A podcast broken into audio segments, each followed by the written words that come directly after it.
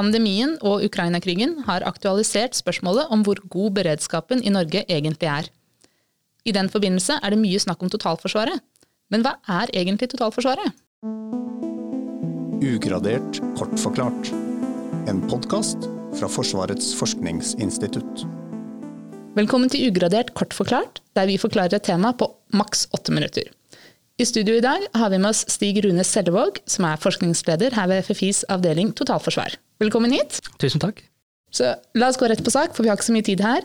Hva er egentlig totalforsvaret? Skal en forklare det veldig enkelt, så kan man si at det er det militære forsvaret og eh, en bred sivil beredskap. Så det handler om at uh, Forsvaret og sivile beredskapsaktører skal, da, skal, stille opp når det trengs, knytta til krise. Forklarer man det litt mer inngående, så er totalforsvarskonseptet basert på gjensidig støtte og samarbeid knytta til forebygging, beredskapsplanlegging, krisehåndtering og gjenoppretting. I hele krisespekteret. Fra fredstid til væpna konflikt. Ok, Så totalforsvaret er altså ikke en egen del av Forsvaret, slik man kanskje kan tro, men Forsvaret utgjør den militære biten av totalforsvaret. Det stemmer. Så hva er egentlig da den sivile delen? Kan du fortelle litt om de ulike aktørene? Ja, ikke sant. Den sivile delen det er jo det er mange. Eh, bare på sentralt nivå så er det vel eh, kanskje nærmere 30 samarbeids- og beredskapsorgan eh, innenfor det som man sier eh, utgjør totalforsvaret. Eh, og som da er underlagt eh, de ulike departementene. noen av de viktige aktørene i den sivile beredskapen der, det er jo selvfølgelig DSB, Direktoratet for samfunnssikkerhet og beredskap. Man har redningstjenestene, eh, helsevesenet, en veldig viktig aktør, politiet åpenbart, Sivilforsvaret, statsforvalterne. Eh, de har en viktig samordningsrolle på eh, regionalt nivå. Kommunene åpenbart. Så har man frivillige rednings- og beredskapsorganisasjoner, og ikke minst alle virksomhetene med et ansvar innenfor det som man omtaler som kritiske samfunnsfunksjoner eller kritisk infrastruktur.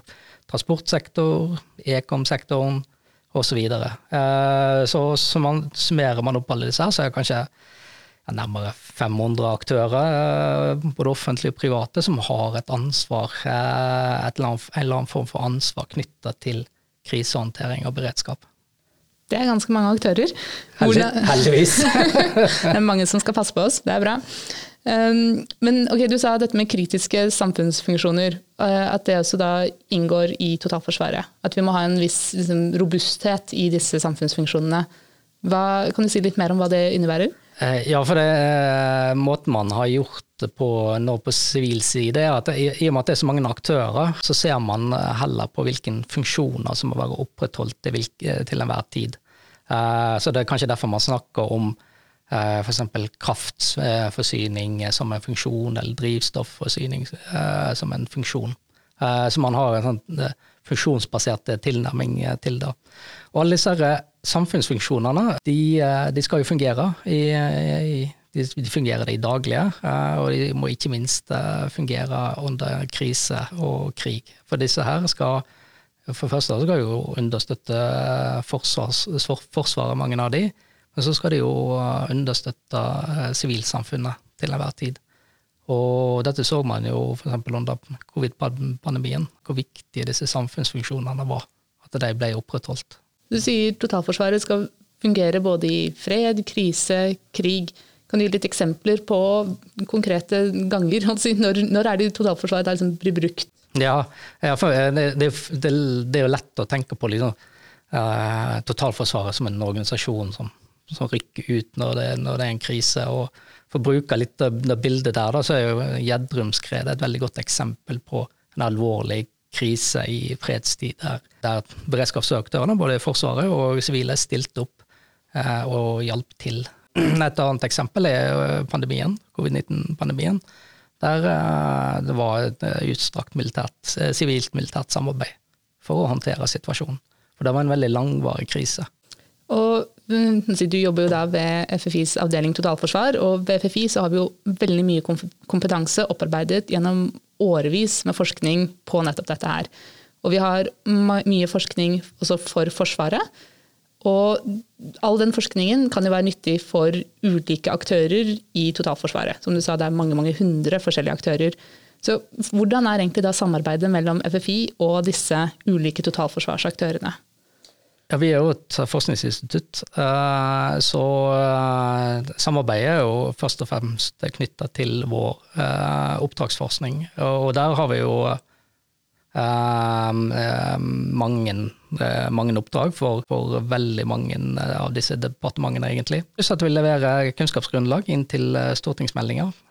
Men så er jo òg FFI Vi har jo en beredskapslab knytta til farlige stoffer. Så vi har òg en, beredskap, en beredskapsfunksjon som understøtter det sivile samfunnet.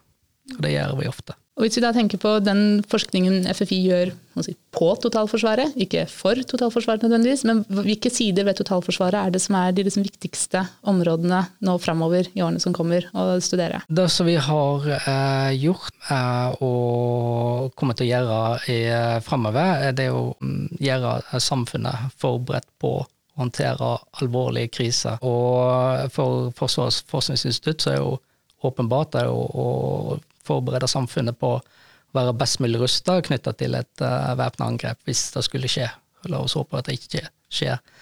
Uh, I den, den, situasjonen som er i nå, så er jo mange som har hørt om uh, fenomenet som man omtaler som sammensatte trusler, eller hybride trusler, som er påvirkningsoperasjoner, bruk av um, datanettverksangrep uh, osv. Og det er, en, det er, en, særlig utfordring som er relevant å, å forske på for oss her når vi skal videreutvikle totalforsvaret, fordi det treffer samfunnet bredt, og en trenger en tverrsektoriell respons for å motvirke og håndtere den type utfordringer. Flott. Det var egentlig det vi rakk å snakke om nå. Men takk skal du ha for at du kom til studio og forklarte litt om hva totalforsvaret er for noe. Og hvis du vil lese mer om totalforsvaret, så finner du masse informasjon om det på ffi.no.